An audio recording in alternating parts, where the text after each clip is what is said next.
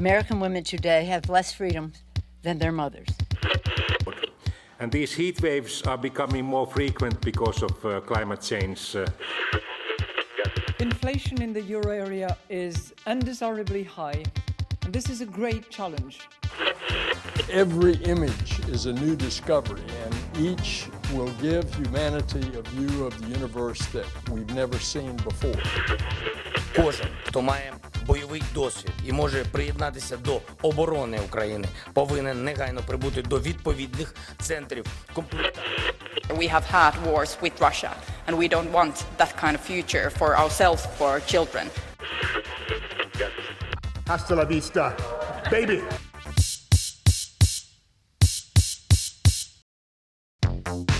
Þú ert að hlusta á heimskvöður.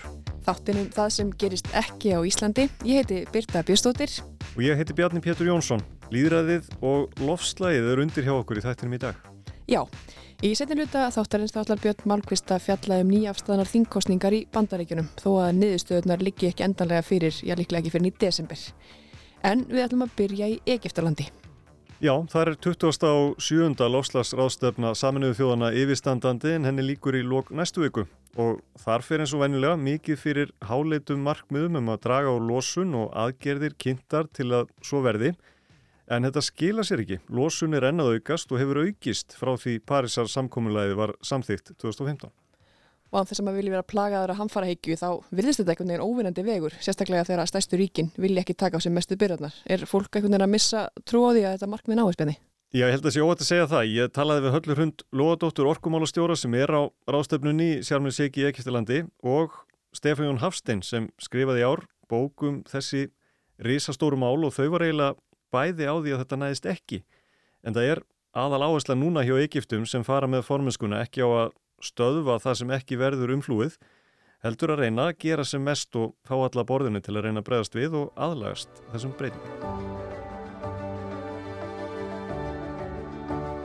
Distinguished delegates, ladies and gentlemen, it gives me great pleasure to declare open the 27th session of the Conference of the Parties to the United Nations Framework Convention on Climate Change.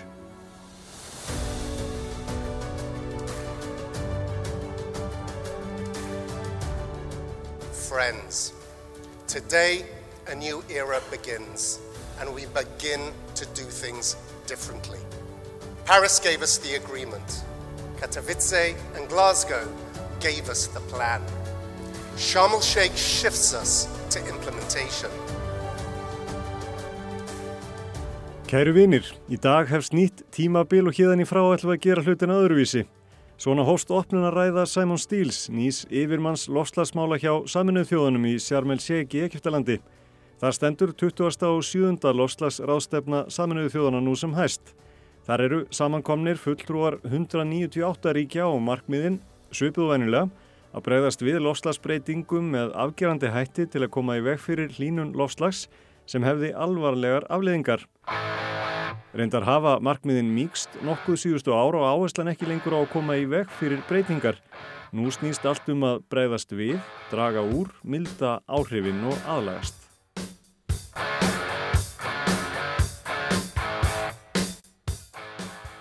En það var ekki það sem var lagt upp með þegar Parísar samkómulegið var undirritað 2015. Þar var ákveð að grípa til aðgerða til að halda hlínun jarðar af mannavöldum innan við tvær gráður og draga úr losun gróðurúsaloftegunda. Samkómulegið var metnaðarfyllra og gekk lengra en flestir þorða vona og var sagt vendipunktur í baratunni gegn lostasbreytingum. Ríkin settu sér metnaðarfull markmið um hversu mikið þetta draga úr losun til ásins 2030. Gert var áfyrir þeim möguleika að skerpa enn frekar á markmiðunum því þá var ljóst að það veri ekki sjálfgefið að þessar aðgerðir digðu. Hítastíð gæti jafnvel hækkaðum alltaf þrjár gráður, jafnvel þótt gripið yrði til aðgerða. En síðan hefur lítið gengið að draga úr losun og hún hefur endar aukist frá 2015. Svo veriðir sem ákvörðun hefur verið tekinum að draga úr losun en lítið gert til að láta það verða veruleika. Stefán Jón Hafstein, höfundur bókarinnar Heimurinn eins og hann er, sem fjallar tölvert um loslasbreytingar og þau vandamál sem þeim fylgja, segist ekki bjarsitn á að markmið Parísar samkómulagsins náist. Það sé óraunsætt miða við þann pólitiska veruleika sem við blasi. það næst ekki og maður var búin að sjá þetta alveg fyrir og menn voru byrjað að skrifa um það svona fyrir ári og meira að þetta myndi aldrei nást og það er bara byggt á því hvernig menn hafa staðið við fyrirheitin sem þeir gáfu frá 2015 og síðan nánast árlega fram á þennan dag að menn hafi ekki gert það. Og þar að leiðandi erum við búin að missa þeirri lest. Og það er alltaf verið að tala um tafalusar aðgerið sem láta á sér standa. Og ég fylst með því á undanförnum árum hvernig Frankværtastjóri saminuðu þjóðan Antonio Guterres, hann fyllist bara æmeiri örvendingu og hann kemur núna með þetta, þessa ótrúlegu yfirlýsingu í vikunni. Við erum á hraðbröð til heljar í lofslagsmálum. With our foot still on the accelerator. No stop signs, speed limit. og það er algjörlega með ólíkindum að hann skuli koma og segja þetta en maður hefur skinnjað þetta því ég fylgst með honum á undanförnum árum, hann hefur verið á þessari leið þetta mun ekki nást, Þess, við erum komin á stig örvendingarinnar og ég held að í Egiptalandi þá sjáum við það núna að já, núna erum við búin að átt okkur á því að fögru fyrirhittin mun ekki nást En örvending er að sumiliti skiljanleg því þetta gengur hægt og köllin heyrast hæst þar sem áhrif loslasbreytinga eru hvað sínlegust. Dæminum óvinnilegar hitabilgjur og öfgaveður síðustu mánuð og missir eru fjölmörg.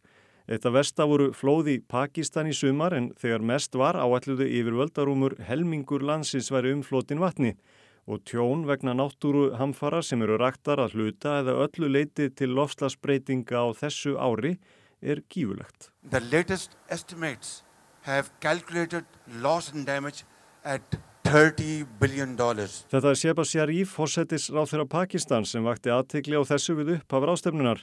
Tjónið er talið hlaupa á 30 miljörðum bandarækjadala og Sharif saði heimsbyðina í kappi við tíman því það verði fleiri lönd en Pakistan sem lendi í remingum. To not let helplessness become a death sentence in this race against time let us plan on working towards that ambition because what goes on in Pakistan will not stay in Pakistan. So let's uh, stand up and say no to this before it's too late. Þetta voru mestu flóði í Pakistan í meir en áratug og urðu eftir óvenju langt monsun rektímabil sem aftur fylgdi hitabilgjum vorið þar sem hitin fór næri 50 gráðum í april en april mánuður var svo heitast í Pakistan frá því mælingar hófust.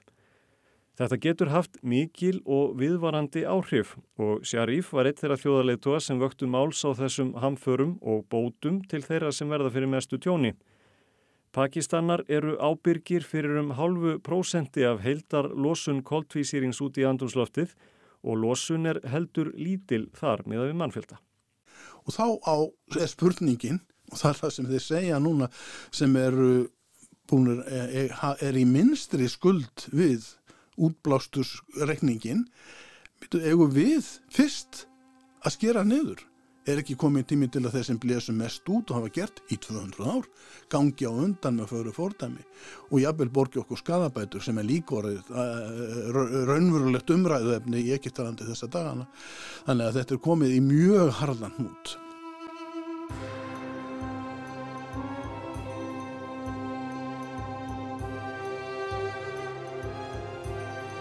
hnútin þarf að leysa og það verist vera aðsta markmið Egipta sem stýra rástefnun í ár. Hallar Hund Lóadóttir orkumálastjóri er í Sjarmel Sheik og segir greinilegt að nú sé stemt að því að komast aftur á rétta braut. Lausnirnar séu til staðar en það þurfi að innlega þær. Ég myndi segja að andrusloftið sé metnarfullt og óvissan sé auðvitað mikil. Það er tölvöld mikil áhersla á aðlugun og ekki síst hvernig á að fjármagna hana og hvernig á að fjármagna það tap og tjón sem við erum að sjá nú þegar vegna lofslagsbreytinga og svo fjármagnun er eitthvað sem skiptir auðvitað líkilmáli, eitthvað sem við stóðum ekki við en vonandi munum við sjá skræð fram á við eftir þessar vikur hérna í Egiptalandi. Lofslagsbreytingar eru sagðar eitt stærsta viðfánsefni sem jarðarbúar hafa staðið saminaðir framifyrir og það gengur hægt að breyðast við. En það er líka mjög mismunandi millir ríkja. Fjöldi þeirra hefur staðið sér vel og skipt hluta gömlu orkugjafana út fyrir enduníanlega. En það þarf bara svo mikið til. Tekur svo langan tíma og það er svo dýrt. Heildar fjárfesting í hreitni orku á heimsvísu er nú um 1 biljón bandarækjadala en þyrti að þrefaldast og beinast að ríkjum eins og til dæmis Kína og Indlandi sem saman eru ábyrg fyrir næri 40% af losun koltvísýrings út í andrumsloftið árlega. Einn stærsta hindrunin er fjármagn en Halla segir að góðu fréttinnar séu þær að kostnaður við nýju orku laustinnar síðan lækka. Það á bæði við um vind og sólarorku og um leið og þær verða samkeppnishævar eru meiri möguleikar á að innlega þær hraðar. Tæknilusnum, þeim hefur fleikt fram, þær eru líka átnar ódyrriði en það er kannski hraði innleðinguna. Það er hversu hægt okkur gengur að innlega lausninnar eða þjóðum heim, heimsins gengur sem er kannski aðal vandamáli. Það er ekki beint svo að, að lausninnar sem að það er hvernig við e, framleiðum orku eða hvernig við horfum á hringráðs og hafkerfið annars sé ekki til staða. Það er innleggingin sjálf. Þar þarf heimurinn að gera miklu betur. Halla nefnir Úkrænustríðið sem hefur hægt mjög á fjárfestingum í orkumálum. Fæst Evrópuríkin voru búin undir það að missa gas sem bast frá rúsum og verðhækkanir á orku hafa dreyðið fram í dagsljósið mikilvægi þess að hafa fleiri egg í fleiri körfum. En fyrst þarf að tryggja friði í álfunni. Vladimir Selenski fórseti Úkrænu ávarpaði rástefnuna í Egiptalandi í vikunni og saði ástæðu löst að ræða áherslur í lofslasmálum á meðan stríð geysar í Evrópu. There can be no effective climate policy without the peace on the earth because in fact nations are thinking only about how to protect themselves here and now from the threats created in particular by the Russian aggression. Selenski saði rússa með stríðsrekstrinum koma í veg fyrir að heimurinn geti unnið að sameilu markmiði. Nú væri hver að hugsa um sig. Ef við horfum á hvað hefur gert frá því að síðast ári, að þá eru, eru vombriðin tennskonar. Annars verður það að það hafi ekki náðist meira fjármagn inn í þessi markmið og þar er Úkrænustriðið eh, líkilbreyta líka efnaðslegar aflegginga COVID og svo hittir vonbreið með að það hafi ekki fleiri ríki lagt frá metnafyllri markmið um að draga og losu. Það eru bara 24 og 193 ríkjum sem hafa gert það og núna er kannski spurningin um það að halda fókus passa upp á það að við séum ekki að taka skref aftur á bakk. Heldur sé Evrópa til dæmis að nýta þessa krísu sem að uh, Evrópa er upplöðað til að fara raunverulega í þessar erfiðu breytingar. Því að þetta eru, þó að þetta séu gerlega breytingar, þá eru þetta grundarlega breytingar á uh, orkukerfum, þetta eru grundarlega breytingar á matalakerfum og öðru og þær eru floknar í framkvæmt en, en niðurstaðan, eh, uppskeran, er það sem við þurfum á að halda og hún eh, kannski kemur ekki alveg strekt. Það er bara eins og með hitaveita væðinguna heima. Fjárfestingin sjálf tekur tíma en uppskeran er eitthvað sem við búum við svo lengi. En það búi ekki allir svo vel að geta sáð og uppskorið. Hópur leðtóa lítilla Eiríkja hefur verið mjög háværi í Egiptalandi. Þetta eru eigjar sem eiga ekki við mikilli hækkun sjáarbors, eiga fáar náttúru auðlindir og eru með veika innviði til að taka stáfið óveður og uppskerubresti. Gaston Brown er einn þeirra, hann er fósættis ráð þeirra Antíkva og Barbuda sem eru smá eigjar á mörgum Karibahafs og Allandshafs. Þessi ríki vilja bætur eða styrki frá þeim sem hafa leikið líki hlutverki að gera stöðu eigjana verri en áður. Gaston Brown vill að hagnaður gas- og oljufyrirtækja ætti að renna í sjóð til aðstór þeim ríkjum sem eru viðkvæmust fyrir áhrifum lostasbreytinga. Oljufyrirtækin ættu að greiða auka skatt af ofur gróða til að bæta fyrir þann skada sem hefur hlotist af starfsemi þeirra.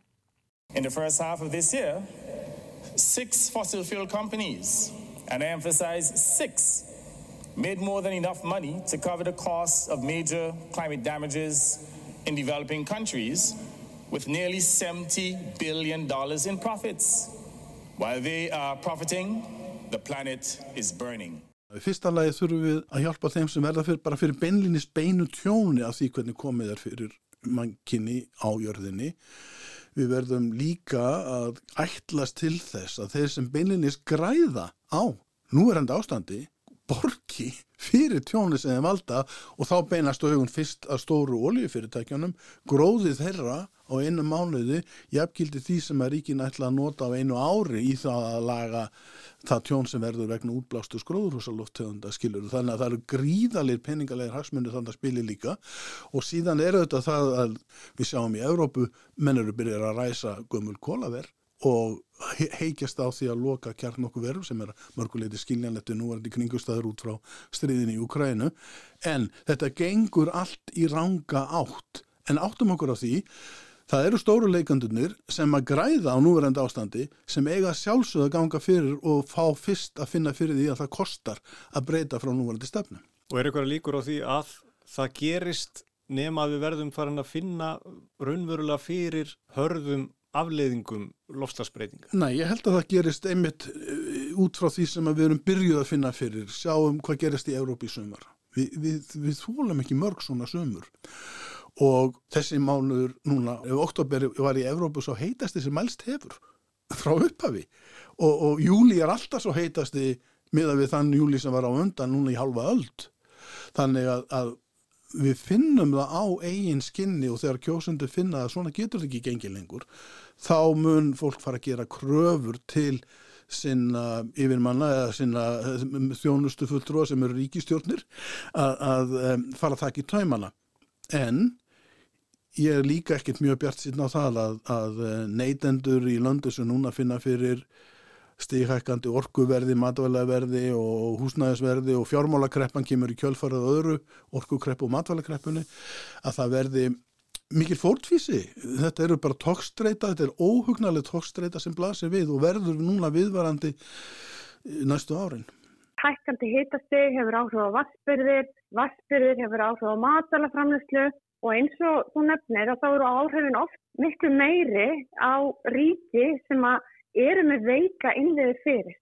Og ég geta nefnt dæmi til dæmis í, í Rio, Rio de Janeiro, þar er verið að við það að það er ekki bara vaskortur vegna þurka, heldur er það þannig að, að loftlagsbreytingarna gera það líka verkum að það eru meiri flóð og, og, og svona kannski þingri rigningar sem að setja meiri pressu á vassveitur sem að gera það verkum að neysluvatni sem að er þá til stafar er líklega til að mengast og það hefur áhrif á auðvitað fólk sem að neytir vatn, það hefur líka áhrif á matalframherslu og annað.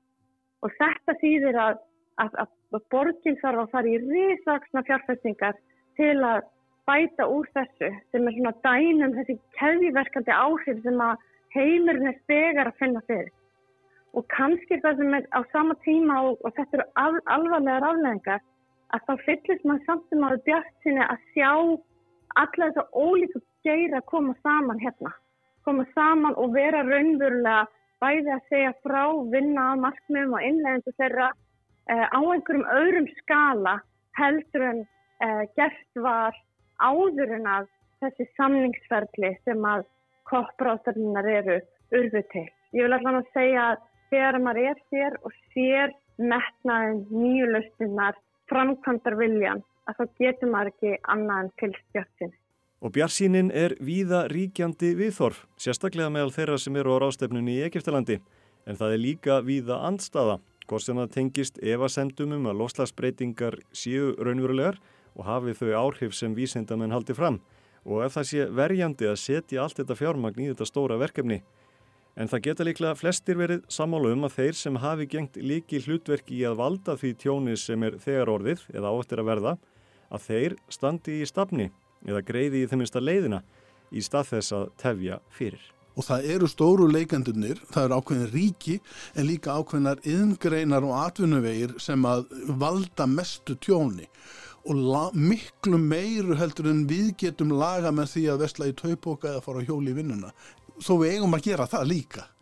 En, en stóra vandamálið er þetta nattræna og það er hvernig hagkerfin og pólitísku hagsmununir á bakvið hagkerfin minna að því að blása æg meira út og menga meira. Það er ekki lausn í sjónvalið og maður sér einhvern veginn ekki að þetta sé að fara að takast þó svo að stærstu ríkin myndu komast að einhverju samkominlegi sem að væri hægt að vinna eftir en erum við að horfa þá á einhvern áratug af þessari sömu þróun áfram? Ég, ég myndi spá því á bara ef maður á að vera algjörlega raunsar það var komið í ljós núna bæði varðandi Úkrænu að, að, að það koma það er hættan á slíkum trub, maður kalla trublanir það er að segja á það sem stöðvar okkur frá því að vinna förum áformum eins og Úkrænustriðið deila við Rúsland og svo framvegis er einn Ástæðan fyrir því að bandarækjuminn og kínverðar ekki að vinna saman að þessar rástöfnu, lostarástöfnu núna er svo að þeir koma sér ekki saman um Tæman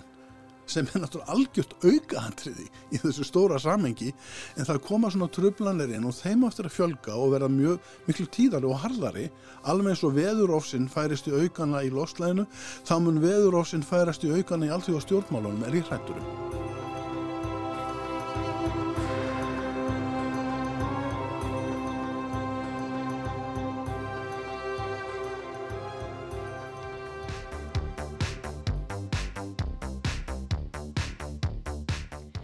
En þá að kostningunum sem haldnar voru í bandaríkjunum á þriðjudaginn.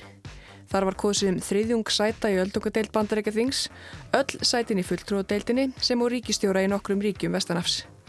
Þetta voru og eru taldar mikilvæga kostningar en það var búist við að republikanar myndu ná meiri hluta í fulltrúadeildinni og jafnveg öldungadeildinni líka sem gæti þýtt að Joe Biden, bandaríkjafósiti og leittói demokrata er því vandraði með að ná sínu málum í gegnum þingið þau tvö ár sem hann á eftir í kvítahásinu. Björn Málkvist, eh, það var talað um rauða bylgjurepublikana á þriðudaginn en það gerist ekki eða hvað? Nei, eiginlega ekki. Allavega unnu republikanar ekki eins mikið eins og skoðanakannanir hafðu bentir síðustu vikundum fyrir kostningar. Það er enda vel þekkt í bandariskum stjórnmálum að flokkur sitjandi fósetta. Hann tapar venilega fylgi í þessum miðtímabilskostningum að meðaltali 28 sætum í fulltrúadeildinu og fjórum sætum í öldungadeildinni, samkvæmt tölum sem teknum voru saman af stjórnmálafræðingum við Kaliforníu háskóla. Staða núna í efnaðasmálum, há verbolga, hátt orkuverð og takmarkaða vinsaldir Joe Bidens bandrækjafósita fengu svo marga til að spáði að demokrater myndu fór skelli þessum kostningum á þriðudaginn. En niðurstöðunar, það er líkjar ekki alveg fyrir, það er ennverðið að tellja í nokkuð mörgum kjördamum. Það er eins og að ljósta að demokrater unnu varnasigur. Ég ber þótt að líti þannig út að republikanar muni ná meira hluta í fullróteildinni. En hvað þá með öldungadeildina? Já, það er staðan flókin akkurat núna þegar við erum að tala saman á fyrstudags eftirmiðdegi. Nún eru republikanar komin með 49 sæti í öldungadeildinni, demokrater með 48. Það verður kosið aftur í Georgíu og það er ennþá verið að tellja atkvæði í Nevada og Arizona, aðalega utan kjörfundar atkvæði. Í Arizona er frambjöðandi demokrater með nokkuð fórskot og líklegt að hann sigriðar, en í Nevada er munurinn hárfítn og fjölmjöla vestarnans hafa ekki trist sig til að lýsa því yfir hvort sigri. Þannig að ef demokrata síðra í Arizona þá eru þeir konum með 49 og ef republikana síðra í Nevada þá eru þeir konum með 50. Þannig að þetta gæti í raun alltaf á niðurstöðinu í Georgi. Nákvæmlega. Það var nefnilega niðurstaðan svo að hvoruðu frambjöðandi stóruflokkana náði 50% um atkvæða. Demokratin Raphael Warnock fikk 49,4% og republikanin Herschel Walker fikk 48,5%. Svo var það óháðu frambjöðandi Chase Oliver sem náði 2,1% og var þannig til þess að það verið kosið aftur í desember. Þannig að svo kostning gæti ráðið úrslutum um hvor flokkurinn nær völdum í öldungadeildinni.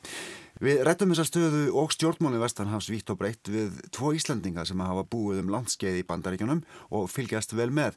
Það eru þau Magnús Þorkjell Bernhasson, professor við Williams College í Massachusetts og Birna Anna Björnsdóttir, rittöfundur og bladamæður sem býr í New York.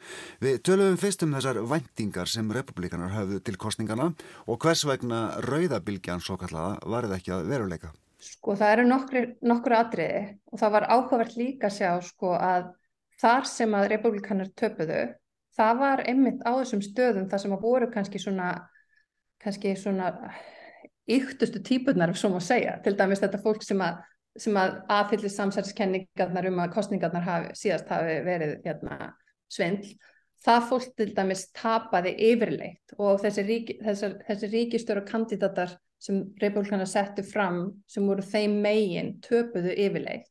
Mm -hmm eins í sumum kjördæmum í kjördæmum þar sem við verðum að kjósa þingmenn þá svona heilt yfir þá voru það svona kannski þessir svona venjulegri republikanar sem að unnu frekar og, þess, þeim, og þessum svona yktur samsæriskenningar republikanum var frekar hafnað. Trump, ef maður segja svona þessum Trump armi, hún var alltaf hafnað yfirleitt þá er það oft mjög erfitt fyrir sitandi fórseta eða flokk hans að, að, að takast á við þessa kostningar af því yfirleitt sögulega séð þá tapar yfirleitt uh, sá flokku sem er í, í kvítúsinu fylgi í þessum kostningum og þess vegna gerir fólk ráð fyrir því svo sannilega að svo er þið núna.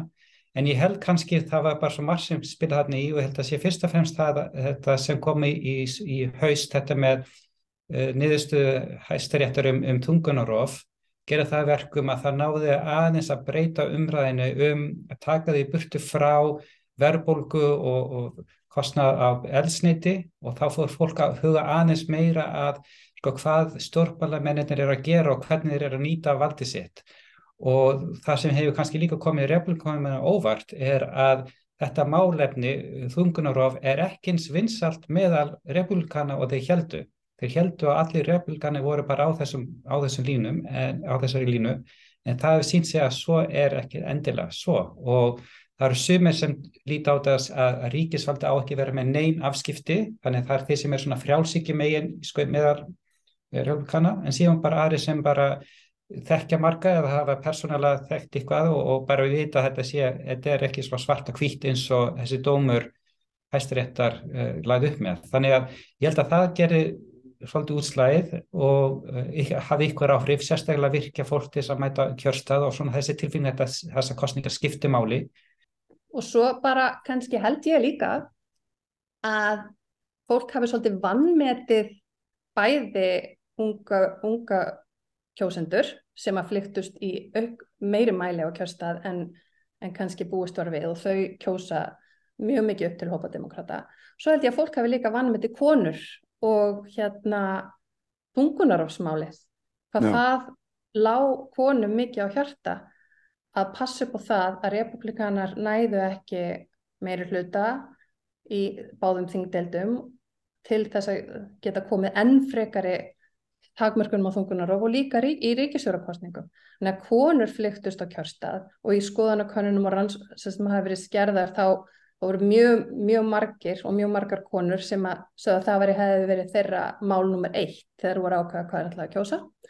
Og svo hafa náttúrulega rannsóknir syngt það að all, risastór meiri hluti hvenna vill ekki sjá takmarkanir á þungunarofi það á við um bæðið sjálfsögðu demokrata konur en líka um meir hluta republikana hvernig. Og svo var það maðurinn sem vomar yfir flokki republikana, Donald Trump, fyrirverandi fósetti bandaríkjana og mögulegu frambjóðandi eftir tvö ár. Trump stutti meirinn 330 frambjóðandur til ímissa embætta í þessum kostningum en þegar hann mætti á kostningafundi þeirra þá snýrust ræðurnar oft meira um hann sjálfan en viðkomandi frambjóðanda. We're going to take back America and in 2024 most importantly we are going to take back our magnificent White House. Við ætlum að endur heimta bandaríkin og hefði glæsilega kvítahús, saði Trump. Þetta var að kostningarsamkomi fyrir frambjöðanda republikana í Ohio kvöldið fyrir kostningar. Sá frambjöðandi síraði reyndar en það kom þó í ljós að gæðastimpill Trumps var ekki trygging fyrir velgengni í kostningum á þriðudag. Trump stutti átjáni ennbætti ríkistjóra, átta af þeim hafa til þessa sigrað. Hann stutti 23 til frambóðs í öldungadeildinni, 17 af þeim eru komnir inn. Besti árangur Trumps var í fulltrúadeildinni, þar stutti utan 143 og 127 þingmenn hafa nú náðu kjöri, samkvæmt tölum frá CBS sjóanstöðinni sem tóku það saman. En Trump talaði um rauða bylgju á síðasta þriðudag sem varð ekki að veruleika og fréttaskýrindu segja líklegt að nú verði talað um framtíð Trumps sem leittóa meðal republikana. Many of Donald Trump's candidates lost and a lot of people in the Republican Party are probably going to say maybe he shouldn't be the head of our party if he's choosing candidates like this. Þetta var Todd Belt, stjórnmálafræðingu við George Washington Háskólan í höfuborg Bandaríkjana.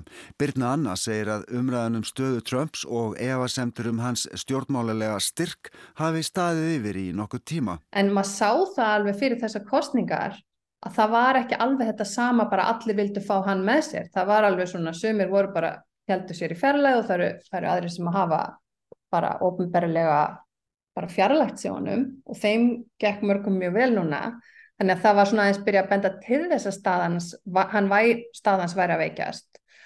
Og svo núna eftir kostninga þá er náttúrulega bara verið það eru bara einhvern veginn það er mjög mikið verið að gaggrina hann og þú veist, New York Post sem held einu svona algjörlega með honum er með hann á fórsíðu bara í dag í gær bara í algjöru bara svona háðs fyrirsögnum um að hann sé bara alveg bara búin að vera og allt svona.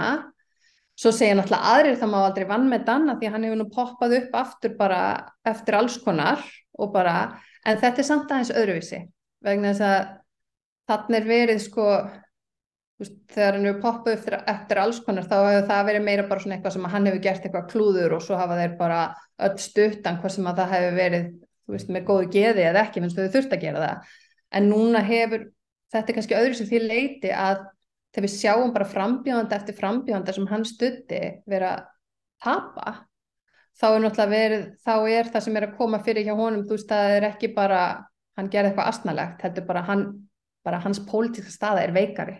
Það vegið að honum að mörgum sviðum og, og stjarnar hans sannlega skín ekki eins bjart eins og gerði með rauglíkana fyrir bara nokkru mánuðin síðan. Og það er bæði, það er verið svo mikið mjög neikvæða fréttur um hann, bæði hvað var þar sko leit uh, alrikiðslauglunar á skjölunum í Mar-a-Lago og núna hérna í New York með hérna fjármála uh, misferðli í, í góðgerastofnunum hans, Trump Organization.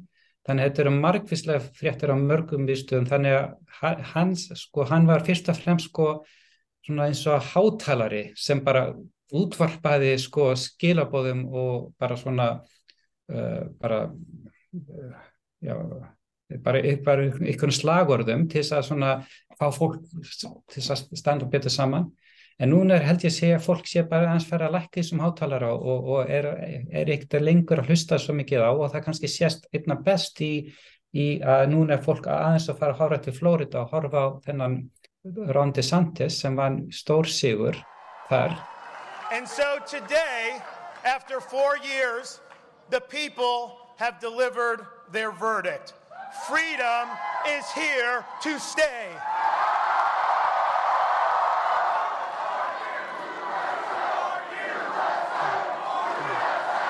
Eftir fjögur ára hafa kjósendur felt sinn dóm. Frelsið verður áfram við líði, sagði republikaninn Ron DeSantis. Endur kjörinn ríkistjóri í Flórida við mikinn fagnuð viðstatra sem hrópuðu tvö ári viðbót og vísuðu þannig í að DeSantis ætti að bjóða sér fram til fósetta. Hans sigur í Flórida á þriðudaginn var afgerandi. Næstum 60% kjósenda stuttu hann áfram í embætti ríkistjóra. Flórida, sem var einu sinni svo kallað sveipluríki í fósettakostingunum, er það varla tala lengur, sérstaklega ekki ef DeSantis býður sig fram. Hann er klárlega vonastjarnar og hann er svona líka ekki eins litaður sko því republikanar margir þó þeir hafa kannski ekki endilega viljað það, þá þurftu er allir að gangi í takt með Trump og fólki sem hefur verið þarna í þinginu og framalega á, á, varðar þegar maður fósiti þurftu að kingja ansi miklu og einhvern veginn fólk sem byrjaði að vera gaggrinnendur hans surðu síðan að, að hérna, vera bara já, já, hann er frábær.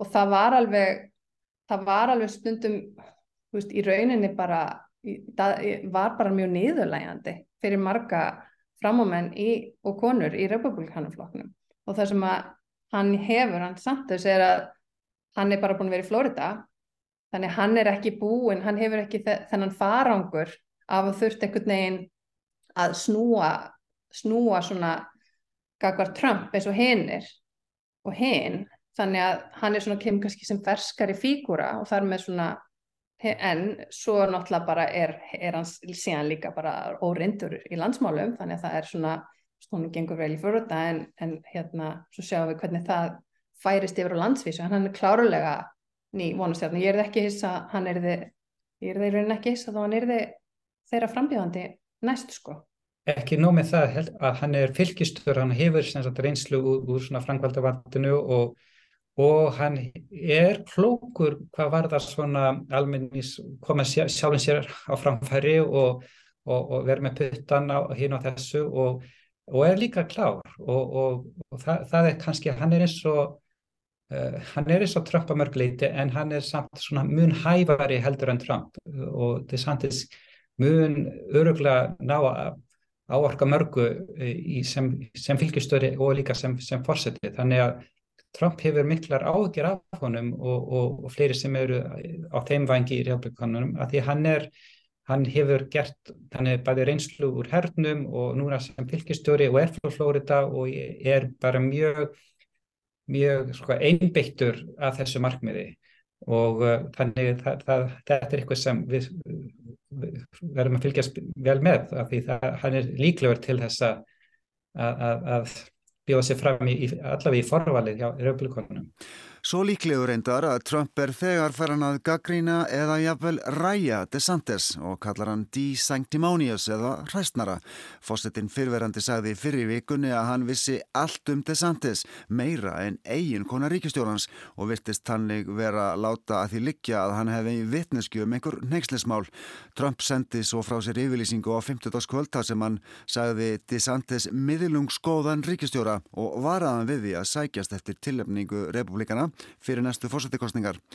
Og það kemur ekki óvart að fólk er núna farið að horfa til næstu kostninga. Staða Trumps virðist hafa veikst, það er meira pláss fyrir aðrar vonastjórnur á hægri vengnum Vestanhafs og það er vaksandi umræða meðal demokrata um hvort Joe Biden ætli eða geti farið í frambóð. Hann er elsti fósittin í sögu bandaríkjana og verður áttræður 20. november.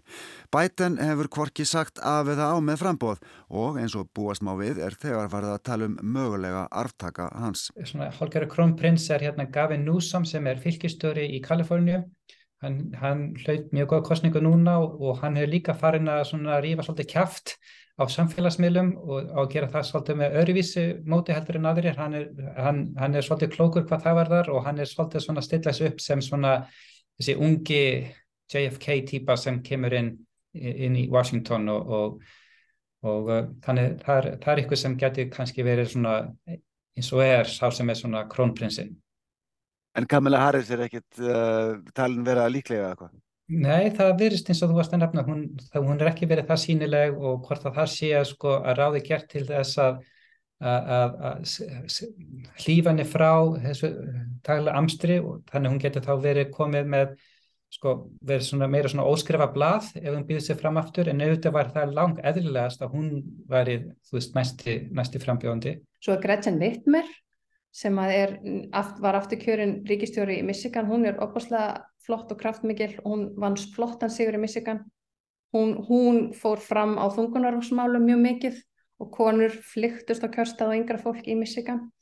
Þannig hún er sterk og það kemur ekki orð að sjá hana framalega í hérna landsmálunum þegar fram líður En allt um það, við sjáum til hvernig niðurstafan í kostningunum verður þegar öll atkvæði hafa verið talin, ekki aðeins í Arizona og Nevada heldur einnig í þó nokkrum kjördæmum fyrir fullrúadeildina. Það sem vakti í jókvaða aðtikli í bandaríkunum var að samsæriskend umræða um mögulegt kostningasvindl fyrir þessar kostningar á þriði daginn hefur verið lávarari en margir bjúkust við og margir vestanhafs minni við þess sem gerust í Washington 7. janúari fyrra óttuðust eitthvað álíka ofbeldi og ógnan yfir kjördeild heimildir eða þar sem talning atkvæða fór fram. Ég fann það alveg fyrir kostningarna, sko, við vorum, fólk hérna, við vorum bara, ok, nú er okkur með kostningar, þetta verður eitthvað rosa, þetta verður stress, við vorum ekki kannski hrættum eitthvað, eitthvað læti eða óerðir hér í borgin endilega, en við vorum alveg, það var allir einhvern veginn búist við því að það erði eitthvað einhver staðar, en þetta fór mjög friðs og það var líka því það var búið að vera, sko, þessir hérna, þeir sem trú ekki á hérna kostningarnar síðustu hafa verið réttar. Þú veist hafa verið að senda fólk einhvern veginn í þeirra flokkum á, hérna, á kjörstaði, margir voru vopnaðir og þetta var bara ekki þetta voru ekki löggur, þetta var bara fólk á einn vegum að svona ógna fólki á kjörstum og það, það var svolítið stressum að yrði, yrði ofbeldi jafnvel á kjörstum og í, í kjölfarið. Það var það ekki og það hefur ekki orðin einn ófröður eftir kostningarnar það er vonandi merkjum það að fólk bara sé, kannski bara sjá að þetta er ekki gott ástand og hérna það þurfi bara að einhvern veginn róast og fara aðeins í, í eðlæra horf og við sáum náttúrulega það sem gerðist þarna 7. janúar í, í Washington og, og ef maður horfur þetta með einhverjum svona bjart sínum þú veist, í ákvæðum augum að það kannski bara vil reysastór meilhutti bandarækjana ekki að þetta sé svona þannig að fólk svona kannski bara en, en þetta er bara núna, við, við, við vitum náttúrulega ekki hvað gerist og hérna en, en hérna og hvað getur gerst áfram en ég veit það ekki, maður má kannski vonum að þetta sé svona þessi úrslit svona muni kannski færa fólk aðeins meira nærði að geta tala saman og mögulega minka það aðeins þessu skautun.